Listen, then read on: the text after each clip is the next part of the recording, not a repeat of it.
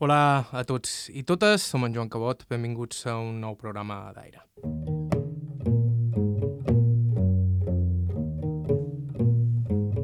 Sempre hem tingut molt clar que fer aquest programa és un petit privilegi, que la gent t'expliqui la seva vida, que comparteixi amb tu certes coses que no tindria per què contar-te, és un regal. I després hi ha moments brutals, com aquell en què na Margalida Obrador treu d'on el tenia estotjat el violí que li va fer son pare quan era petita. Veus això? Ai. Ai. Uh, pobre, com està? Un petit violí, quasi de jugueta, però fet en tot l'amor del món per un torner de falanitx tan enamorat de la música que va voler que les seves dues filles estudiessin solfeig i que quan va veure que la petita tenia un talent innat, ho va vendre tot i va mudar-se a Palma perquè pogués anar al conservatori. I aquí, l'arc que havia trobat era més llarg. I no hi cabia. I me va fer aquest foradet. Però veus, aquí s'ha... Hi deu espant per aquí de dins. I No. caixa també vol Oh, sí. Mira, i, i forrada. Ei, i aquí, l'altre tros, l'arc, té un, un pitorro que, per estirar, les serres. I sortir d'aquí i d'aquí de sa. I, i tu toqui... Però això aquí havia, sí. Li falta això i corda. La filla d'aquell torner, Margalida Obrador, formaria part de la plantilla de l'Orquestra Simfònica de les Illes, quan es va crear el 1988. El camí que va recórrer fins a arribar-hi serà precisament la matèria del programa d'avui. El regal que ens varen fer nosaltres i el que compartim cada setmana amb tots vosaltres. Estau escoltant Aire a IB3 Ràdio, us parla Joan Cabot, començam. Jo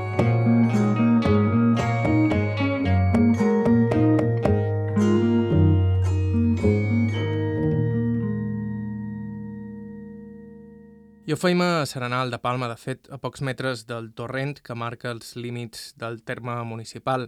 Allà viu ara na Margalida, però ella va néixer a Falanitx. Ella mateixa es presenta. Som Maria Lida Obrador Llines. Vaig néixer dia 26 de gener de l'any 40 a Falanitx. I com han dit, son pare era torner. Mon pare era torner de fusta i mo mare a casa nostra perquè teníem, teníem el predí que era son pare de, de mo mare que encara era viu i teníem un parell de finquetes i aquest homonet eh, mos cuia el blat, eh, tal i qual, i ma mare feia tot el que podia a casa nostra. Teníem molt de, de tarongers i a casa nostra també venia ma mare ses, ses taronges, cals, perquè ara me'n recordo de, de raconeta de, de res porta del carrer, i quan havia de, de, de rentar el blat per dur-lo amb altre per fer farina per tenir-ne tot l'any, Mo mare feia els pans un pip per setmana, mon pare li va fer un fornet de, de, de trossos de teula i feia, feia el pa un, un pip per setmana, un panot així, i la còquia. Quan ja va ja va, ja va venir la còquia, que això era bo. un dia era dolça i l'altre dia paturesa, segons el que teníem, perquè el rebost estava en el corral, el rebost. Conills, o sigui, una conia, gallines, també en el final de, del corral teníem l'estable per la mula, la cotxeria per, carro, perquè en aquell temps per anar a una casa bé havies de tenir puesto per la mula, puesto per la paia, per carretó i per el carro. Això e- era lo important. Quan la Margalida va néixer, era la segona criatura a la família i ja ningú l'esperava. Ella tenia Una germana que tenia 12 anys més que jo. Ma mare tenia 40 anys quan ja vaig néixer. I el temps no, no, no anava bé de Era molt difícil. I ella se va morir, sa mare, antes de tenir-me a jo, o sigui, quan jo estava, quan estava embarassada de jo. I, clar, no tenia ningú més. més que la meva germana, i això, segurament va posar una dona i ja està. I jo era la jugueta de casa nostra. La meva germana ja estudiava piano i solfeu, tot això, perquè mon pare també és músic. Mon pare ho tocava tot. per aventura no tocava massa bé tot, però eh, si se, se parrotava amb una cosa, havia de sortir. Tocava en la banda. I tocava en la banda de Falanich, en la de Porreres, que n'hi havia dues en el poble. Ell eh, tocava en la banda, en la de Santa Cecília. I l'altra era la de Manacau. O sigui que quan venien les processons de Setmana Santa estaven molt ben, molt ben preparat. La de Porreres se feia molt prest. Quan acabava, venia cap a Falanich i feia la de Falanich i llavors quan havia acabat la de Falanich se n'anava la de Manacor. Tocava també quan va fer el servici militar a Inca amb en Balaguer, que és del casal Balaguer. I allà tocava el baix, aquell que, que, que s'ha du penjat. Aquest nostre, llavors, un poc més endavant ja, que, que la meva germana va ser més gran, ja, ja se va formar un, un, un conjunt que Obrador i su conjunto. Meva germana tocava el piano, mon pare tocava el saxofon, un que tocava la trompeta que era de Manacor i res, un... No? Però ja me'n recordo d'això, de les verbenes. I jo ja tenia 3 o 3 o 4 anys o un poc més. I com que la meva germana i mon pare, quan, quan era a dins, a dins casa nostra, donaven classes de, de, de solfeo i tot això, i la meva germana, ses lliçons, tocava el piano. Jo era petita i a dins la casa el piano estava més o menys a la meitat de la casa i jo cap aquí, cap allà, que no fes res nou, però ja ho sentia tot. I agafava totes les lliçons, la número 1, la número 2, i un dia mon pare me va agafar, diu, ara, te, ara farem un poquet de, de solfeo res. I deia, diren la lliçó 3 i s'asseuen al piano amb mon pare i vinga, i jo cant la 3. I això així me veu que jo estava mirant en fora. I pumba, s'atura. Diu, Margalideta. Diu, me vau dir a on mos hem, aquí, a on mos aturat de la lliçó. I si la lliçó estava a la dreta, jo li vaig dir, aquí. Diu, però bueno. I quina nota és aquesta? I no l'endevinava, ho sabia tot de memòria, però res més, sabia el llibre de memòria. I llavors, què van fer? Diu, perquè això no, no, no pot ser, perquè amb mon pare i la meva germana ja ho vaig aprendre sense posar-te nerviós, o sigui, aprendre dues notes, ah, i d'haver tant ja està. I llavors un altre moment, un altre, però així. Fuster, a fusta en el taller, fa una pissarra quadrada així, amb dos pentagrames, i, i posa una xuleta a ma mare, que ma mare no sabia res de música, però eh, escrit, mirava a on havia de, de, de, de pintar la nota, i, au, Margalidota, vine. Au, escriu un do, si l'escrius, te'n podràs anar a jugar. I més tard una altra cosa. I, i fèiem, fèiem això, perquè a mon pare li agradava, o tenia la idea de que jo toqués el violí, perquè com que ja tenien la meva germana, que tenia quasi la carrera feta de, de piano, uh, a Faldení no hi havia professors el primer de tot, no hi havia violins d'aquests petits, perquè ara eh, hi ha tots els tamanys, tots els que vulguis. Però llavors no n'hi havia. I què va fer? quan havia tancat el taller, se n'anava a, a, a dins el taller i me va fer un, violí petit, mon pare, ja el tenc aquí. I llavors va fer do, dos de grossos també. I va fer un contrabaix. Llavors ja, ja tenia, eh, i el contrabaix a l'orquestina, eh, o sigui que era un forofo. Ara, per exemple, en els pobles, en aquell temps, a les possessions i les cases de fora vila, les matances, era, era festa. I hi havia d'haver un ball, hi havia d'haver música. Sí, només hi havia la guitarra, era meu pare.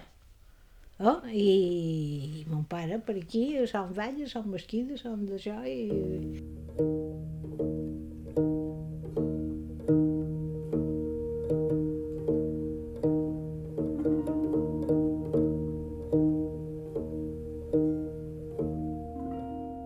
Aquells eren els anys en què Falanich era un dels pobles més pròspers de l'illa, en part gràcies al celler cooperatiu Els Sindicats. Jo me recordo que es predí hi duia el rem, perquè se va morir es predí que jo tenia de 7 o 8 anys, o sigui que molt no, no ho record.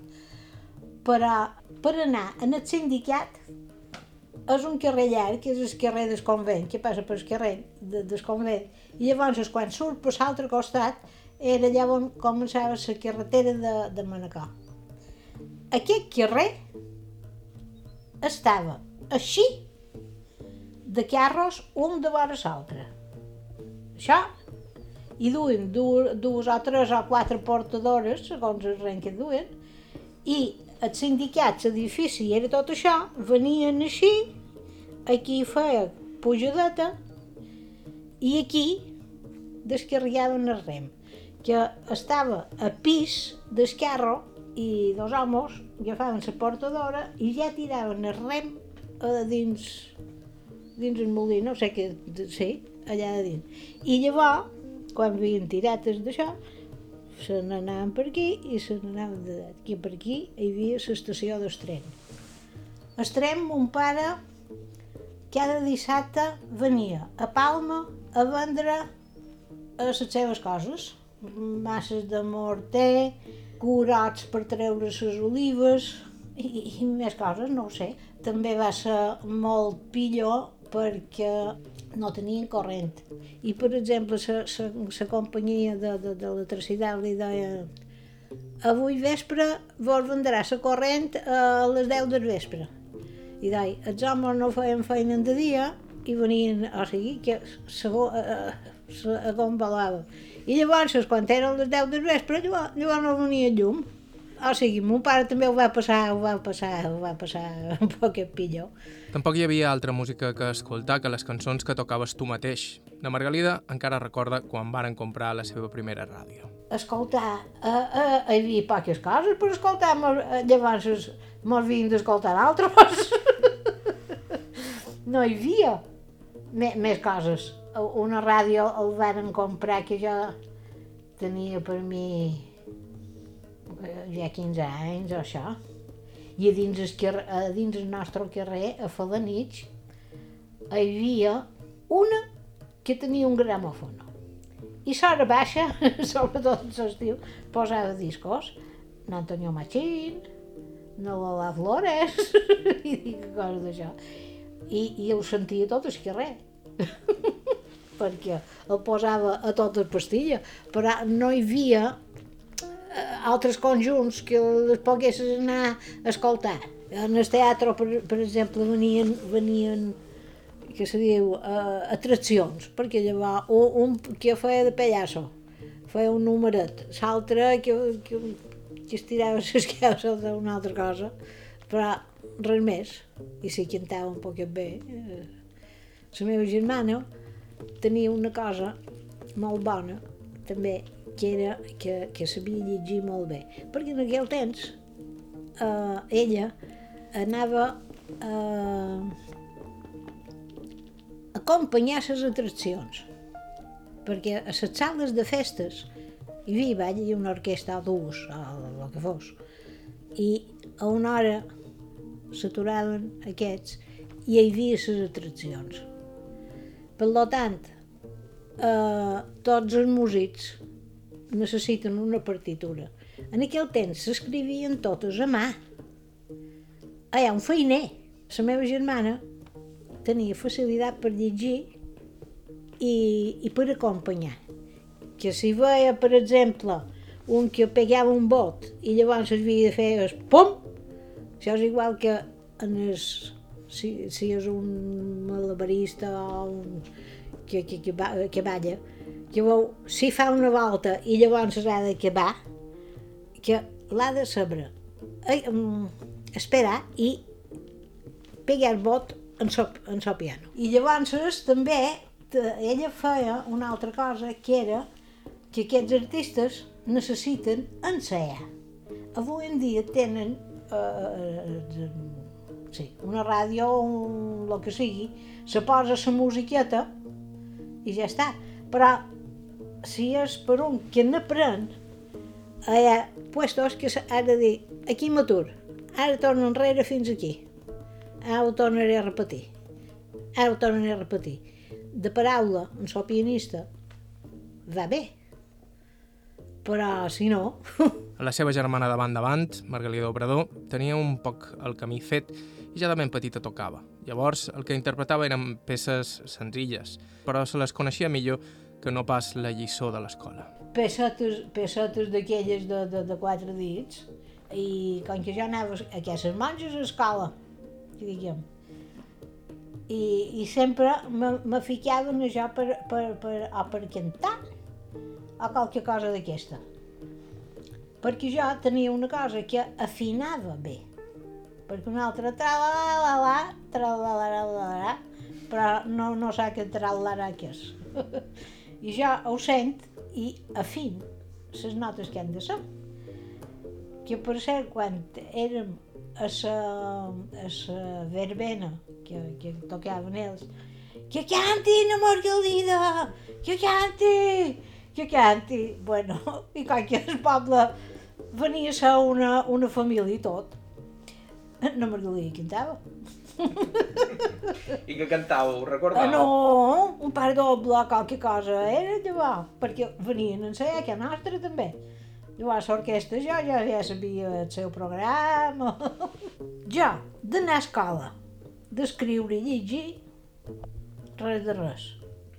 Perquè te canvies de puesto, llavors no coneixes ni, ni, ni cap amic ni amiga de, de, de l'escola, ja no sabia on havia d'anar, perquè a, Falanich ja, ja no anava pintura a l'escola, a l'escola de llegir, que diguem, perquè deien, Jesús, no, no fas res si no vens, perquè tu has d'estudiar música i és igual, un dia sí, un dia no.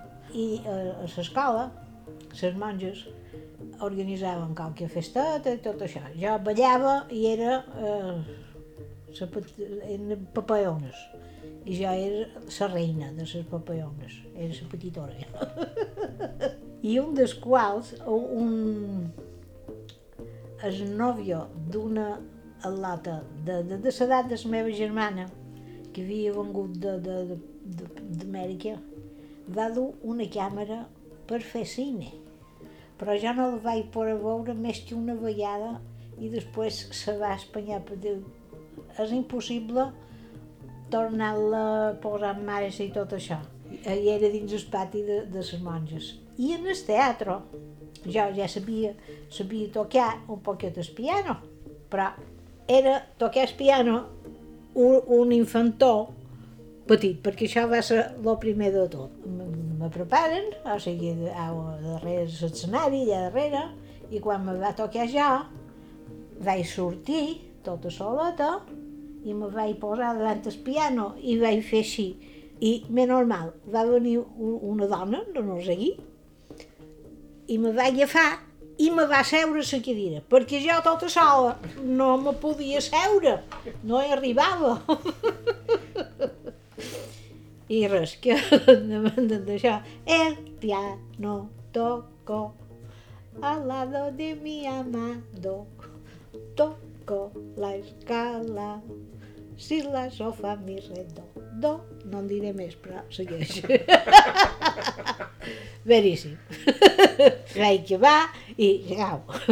que I res, que jo vaig anar aquí amb ma mare i ma mare me diu, Maria Lideta, diu, com, com t'ha anat bé? Diu, no t'has equivocat? Què pic? I jo li dic, sí, dic, un pic. Dic, però com que no m'he aturat, ningú s'ha anat amut. o sigui, un èxit. I, i llavors, voltades aquí dins, sí que va anar bé. Era Margalida Obrador Llinàs, nascuda a Falanich l'any 1940. En uns segons continuem amb la seva història. De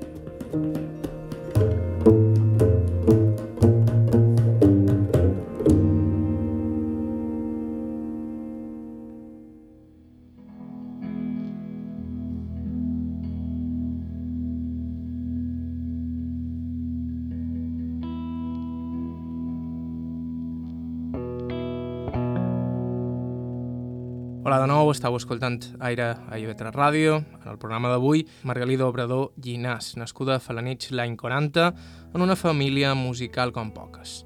De fet, de ben petita, la Margalida ja tocava i cantava i son pare Torner se les va enginyar per fer-li un violí que encara conserva.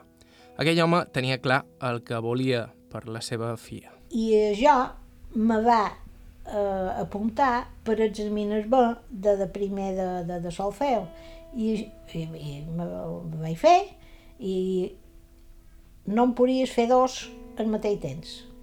Eren tres cursos de solfeu i un cada any. Me van passar aquests tres anys. I clar, mon pare ja devia tenir el violí preparat i eh, llavors me van preparar a casa nostra un poquet com que tenia piano i tant hi podia jugar una estona com fer-me una estoneta de, de, de, de, que diguem, llavors ja me van preparar per fer el piano.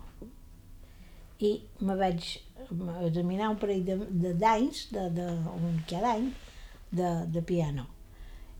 I aquí ja el predí ja s'havia mort i mon pare i mon mare varen fer una feinada perquè teníem tres finques que teníem més o menys quatre, quatre quarterades cada una, en caseta grossa, una, i l'altra més petiteta, però amb aigua, la, la cisterna, el primer de tot, en aquest puestos. I això, vendre, vendre tots els armetjos de, de, de, del camp, serada, tal i qual, tot, tot, tot. La mula, carretó, tot això. Això que dic, ma mare, que fa, fes tot això. Ell preparar per, per desfer-se'n del taller i venir a viure a Palma perquè jo pogués, jo, jo pogués estudiar violí. Hi ha un bon berenar aquí, jo. És aquí quan la Margalida s'emociona un poquet pensant en el sacrifici que varen fer els seus pares perquè ella pogués estudiar música. Jo no ve valorat més que quan estava ben gran. Quanta era? Bé, bon aniríem a Palma. Eh, en 12, 12 anys, 12, 12... Perquè tres de solfeu. Si començàs a- en els 5 anys, 5, 6, 7, 8. Llavors el piano, 9, 10, 11, 12, era el que jo ja, ja, ja estava... Era el que jo, jo, jo havia fet. I aquí van venir eh, perquè diu han de comprar una casa, diu que pugui posar el taller. Quan van venir amb mon pare, varen venir a darrere la plaça dels Toros, tres carrers darrere, eh, eh, després de- d'això. I jo eh, de- d'allà anava eh, els dissabtes en el conservatori agafar violí, violí, violí, i dalt aquí, aquí li, li havia de donar. i, i ja m'anava bé. Són, són, són vuit, vuit, vuit cursos. Jo en els de vuit ja, ja ho tenia tot fet. Però abans, quan era quasi una nina, Margalida Obrador ja havia començat a tocar en l'orquestra dirigida llavors pel coreà Ekita Yan. Jo he tingut el que vos he dit que afinava. Després, llegir una partitura. L'has de saber llegir i l'has de saber interpretar.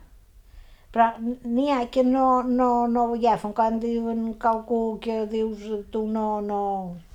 Que si te donaven un paper era igual que si te donessin una clotellada. I jo tenia facilitat per aquestes coses.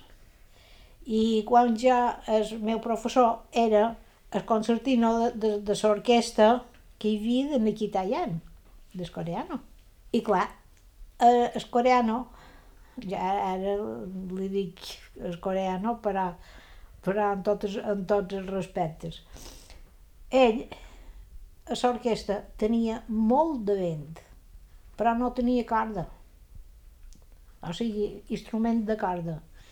En tenia pots, però de vent en tenia molts, perquè hi havia tots els que havien vengut de la banda d'en Balaguer de, de l'exèrcit, llavors hi havia l'exèrcit de, de, de, de terra, aquí, la banda, hi havia la banda d'infanteria marina i, i la infanteria de terra, i, claro, se trobaven que a Pantura tenien vuit trompes, vuit de xans, o deu clarinets, i, i només en necessiten dos. I, i, i jo anava i, claro, quan que a davant tenia la tril de, del, meu, del professor i veia, ara ve un tros difícil, bueno, això hem de, hem d'aclarir.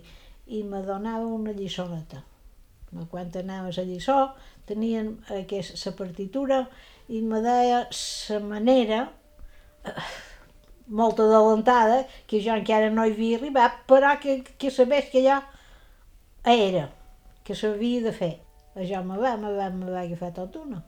I llavors, jo tenia aquí els 13, 14 anys, i 14 i 15, que jo hi havia el sindicat per fer-se els, els contractes i tot això.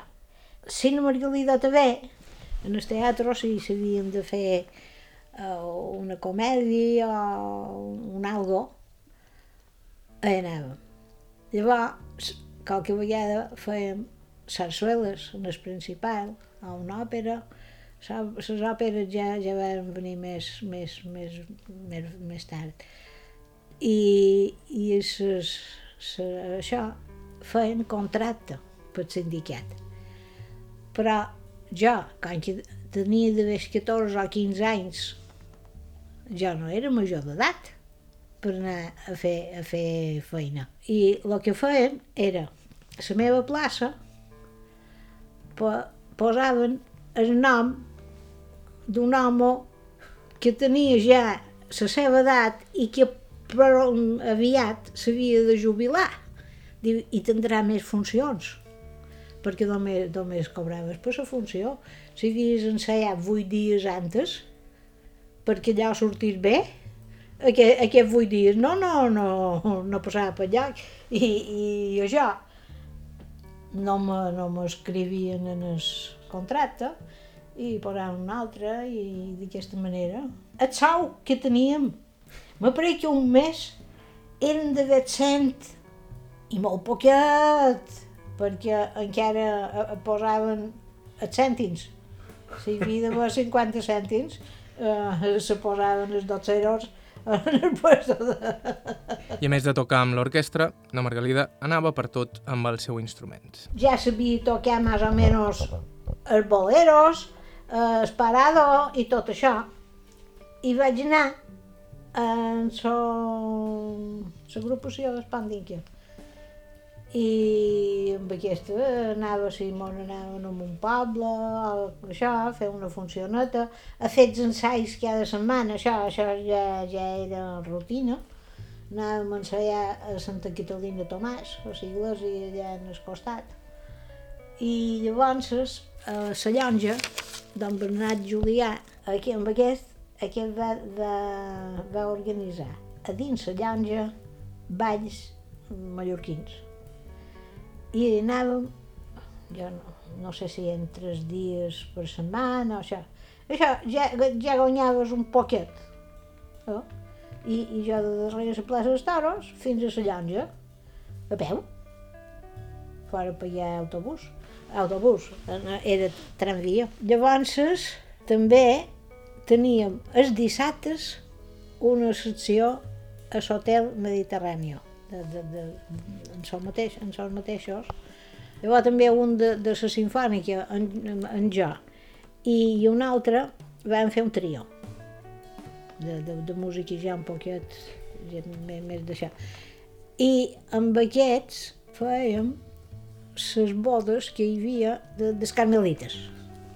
Allà ja supos que quantes nòvios anaven a escriure-se per la boda, el capellà devia tenir bé en compte que voleu música, però perquè els dit hi tenien i, i hi vam anar bastant, bastant, bastant, bastant de temps. Llavors, quan hi havia les funcions, que jo ja anava en el teatre, que era un Sant Suel o el que fos, quan era allà, mon pare tenia amics. un d'ells, precisament, me va fer de, de testigo quan, quan me vaig casar. I doi, jo era joveneta, jo, llavors, en aquell temps, jo vaig a ser la petita, sempre la petita perquè, perquè les altres eren tot, tot grans. I al vespre, si equipàvem a les 12 a la 1, llavors m'havia d'anar darrere les places d'oros perquè ma mare no me pot de cada, cada dia per munt i per avall. I, i hi havia un, un senyor, en Jaume Monà, que tocava el contrabaix, que tenia una vespa. I jo les funcions que eren de, de vespre, ja sabia que havia d'anar cap a la vespa i me duia cap a casa nostra. I si no era ell, eh, aquest ho deia un altre, ei, te n'has de dur una margalida. la margalida no podia quedar per allà enmig. Perquè llavors la zona de la plaça de Bous no estava integrada dins la ciutat com ho està ara. L'Eixample encara s'estava poblant. Allò eren tots solars. Allà eren, eren solats sense tancar. Nosaltres teníem un, un, una guarda de, de, de quebretes, que cada dia passava, a sort baixa, a sort baixa de tot, i sortíem en, so, en sota so i munyien un quart de litre, un mil litre o, o més. I les altres, perquè les quebretes sabien cada, eh, en el, en el puesto que s'aturava quina, quina animal s'aturava i els altres eh, a dins el solar a menjar herba, perquè tots estaven plant d'herba. I, I comprava la llet i no, no, no havia d'anar a la letxeria ni res. Venia ell. Això eh, mos, mos vàrem... Eh, això era l'any 52, jo en tenia 12. 12, 13, i, i totes les cases eren, deien xaletets, però només era un metro a, a dins, a dins d'això, a la casa, a la casa estava un metro més endarrere. Però no, no hi havia pues, el quasi per posar una, una cadira perquè eh, era un poquet de terra per, sí, per posar-hi quatre cocials o quatre petits. En tot cas, prest la família es mouria de nou, fent-se més a prop de la plaça d'Espanya. Seria per aquell redol que Margalida Obrador coneixeria el que després seria el seu marit. Ens explica després d'una breu pausa.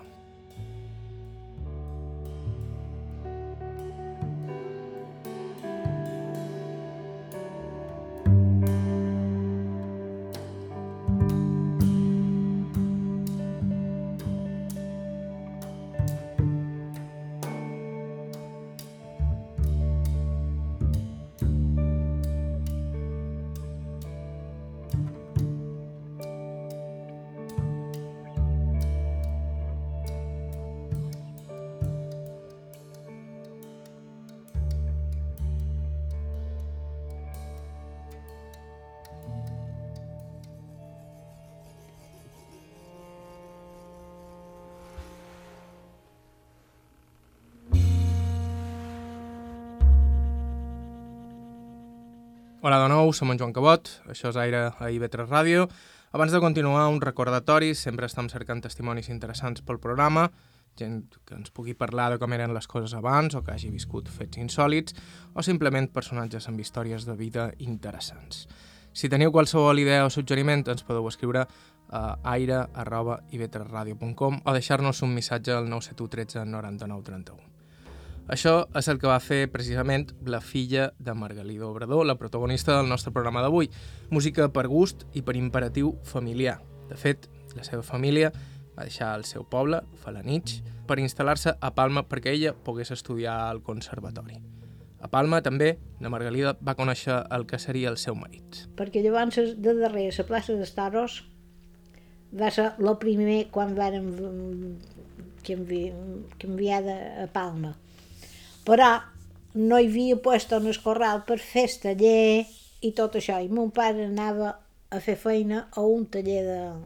que se començava a fer souvenirs, souvenirs, cosetes de, de, de fusta. I llavors mos van canviar a Eusebio Estada, a palmes d'Esfrent, que a nostra era una casa aferrada a la farmàcia, que antes era la, farmàcia Llofriu. I mon pare va fer el taller allà, i com que era una planta baixa i un poquet de, de primer pis.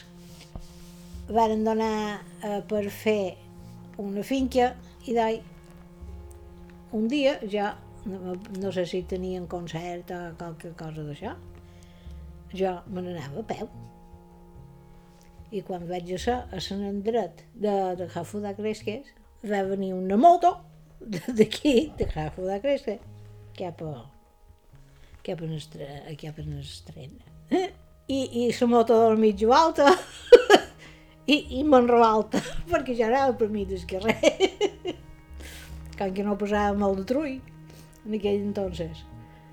I, i res, el que, lo que passa de que començar oh, quina nina més, més, més guapa, oh, això que sé, i on vas, i això que duus que és, i dues violí, com és molt natural, i com que no en devia veure moltes, que, anava, que anaven amb un violí, i allò, allò hi va. Ja, on vas? I res, cap en el teatre. Va, va venir jo? No, no, ben alerta. I vaig estar estona que, que no li vaig dir i res, se són dos, i, i que un altre dia, que ja no sé si que teníem, bup, el veig. O sigui, havia mirat a veure quan hi havia funcions o, o, o no sé què. Res, i, I això va ser, vivia a la plaça de, dels patins. Sí, entrant de la passa de, de la part de, de la Rambla, la primera finca a l'esquerra, allà dalt de tot, una finca de, de, són dos o tres pisos i el tenien l'oda del munt esterrat i tenien llavors tot, tot esterrat per ells. Ell, ell eh, era camarer, aferrat en el principal, antes de fer l'aparcament hi havia la granja Oliver i estava a la granja Oliver. Llavors, quan ens varen casar, llavors varen comprar aquí que, que se va dir el glopet. I era la tempor temporada, quan nosaltres vam venir aquí, eh, fèiem menús. Llavors era, va ser de fer al migdia menús pels obrers. Se feia l'autopista.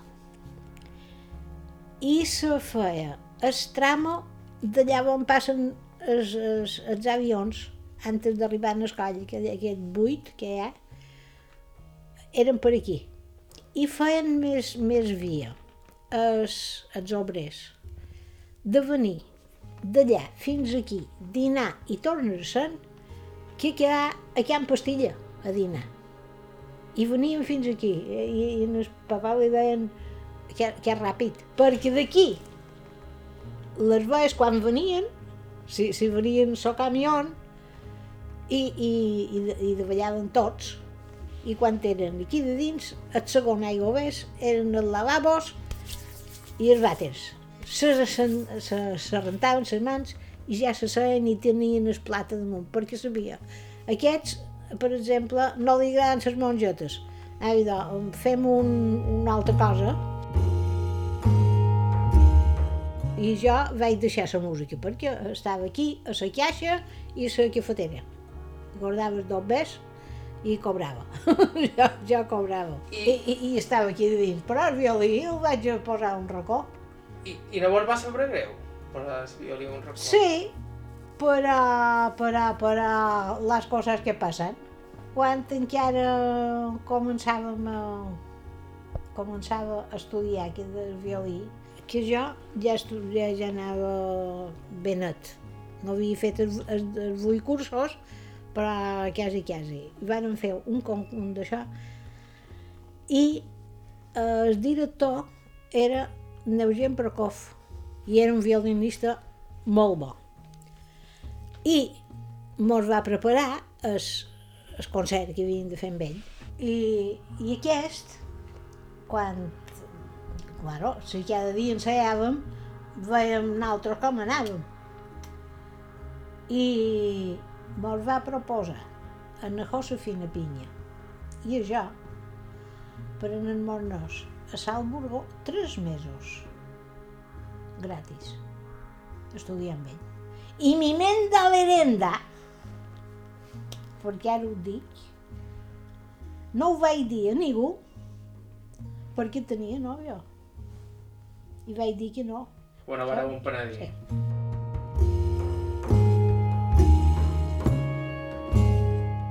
Per sort, però, Margalida Obrador tornaria a agafar el violí i tornaria a la música a temps per entrar a formar part de la primera plantilla de l'Orquestra Simfònica de les Illes Balears. Ara sí, l'oficial. Jo quan, quan venien aquests a dinar aquí d'allà dalt, havia nascut la meva filla i jo me va comprar una moto per anar-me'n a veure-la perquè tenien la nina amb ma mare.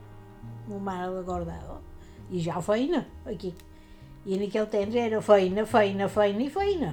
Llavors va venir la meva, la meva una, una amiga que havíem estudiat plegades i tot això, que ella hi anava, i va dir, diu, Margalideta, diu, hauries de venir, diu, ara, ara han de fer una orquestra nova, i, i res, i, i què hem de fer? Diu, t'has de preparar un poquet, perquè clar, que sabia que no, que no tocava ni, ni res, i, i se perd, eh? Ell no, no, no sé fer, no sé fer un nom amb un, amb un canuto.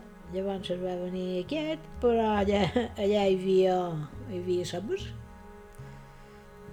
Allà havies de, també de dur la partitura que teva, hi, hi havia una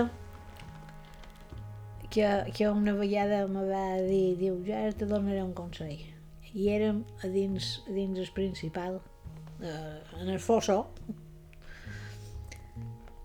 i me diu, en aquest puesto, diu, ara que, que te, te venen partitures noves, diu, antes de tocar, diu, te seus i les llegeixes ben llegides. I saps més o menys on hi pot haver algo. Diu, i tu te mires algo. Diu, i en sortiràs. I jo anava ja a l'orquestra bona, que diguem a nova. I clar, el meu home tot, tot salt. Uh, I jo havia de córrer per anar en els ensais, però que era sort baixa i, i sort baixa no hi havia molta feina. En la sinfònica, amb aquesta, ha estat molt, molt divertida també. El primer viatge amb aquesta d'això, que van sortir d'aquí, va ser a Andorra. Se van apuntar totes les dones dels homes i tots els homes de les dones. Tots! tots. Només en coneixies un i ja, ja coneixies la parella de tots, perquè venien. Ara, per exemple, a, a, a, allà a Menorca es, estan molt per, per, per la música, perquè allà va ser dels primers puestos que van fer òperes. Perquè resulta que de per Itàlia s'havien d'anar no sé on i havien de passar per Menorca i s'aturaven a Menorca a reposar i... Sí, i llavors continuar. de- d'aquesta manera ensenyaven a, dins, a dins el poble aqu- aqu- aquests artistes i ja va, ja va venir l'afició més grossa. I nosaltres fèiem de dues, dues òperes i estàvem pintura 10-12 dies. Què passa? Que allà tota la gent que canta en Socorro és gent obrera que en de dia té feina i no pot venir a ensenyar. Què fem? Ensenyam al vespre. Muy bien, i d'ahí. Avui a les 9 aquí. Però tenies tot el dia libre. Ja coneixies tot el poble. si era l'estiu, tenies plaer tot el dia. Llavors, l'endemà, dos reals de lo mateix. I si feien dos o tres ensaios en Socorro, llavors ja el coro i, i les figures que digueu. I nosaltres també, libre, fins a les 9 del vespre. Però quan t'arriba, si és diumenge, allà de la funció, s'ha de fer un ensai general per saber si general va bé. I se fa divendres. I, per- i degut que has ensaiat tota la setmana i tal i qual, més o menys tot va bé. I el dissabte, tot libre, no hi ha funció, perquè els cantantes han de reposar l'esforç de, de, de, de, de, de l'ensai general, que és igual que una, que una funció. O sigui, funció entre funció hi ha aquestes normes. I tenies els divendres has estat tot el dia i al vespre et s'haurà a dormir, que te te'n vas a les 9 i fas, fas això i ja, ja, ja està. L'endemà tot el dia i llavors el diumenge fins a les 9 del vespre. Nosaltres mos van...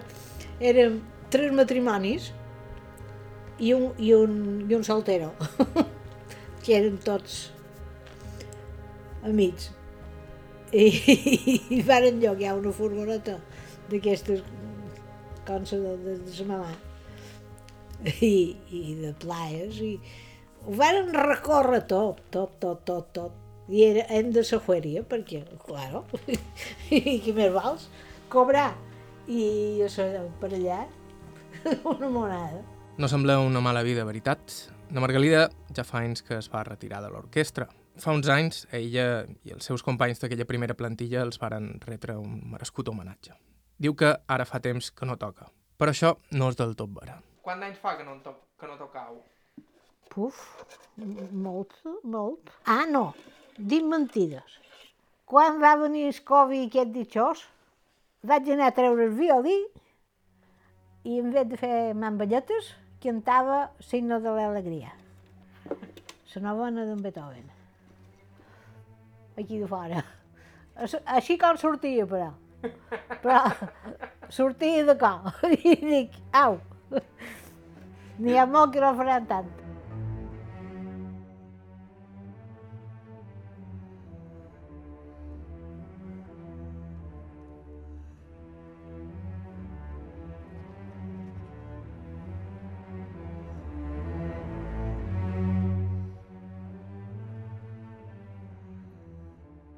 I fins aquí el programa d'avui. Moltíssimes gràcies a Margalida Obrador pel seu temps i amabilitat i moltíssimes gràcies a la seva filla per proposar-nos l'entrevista i a la seva neta per l'hospitalitat.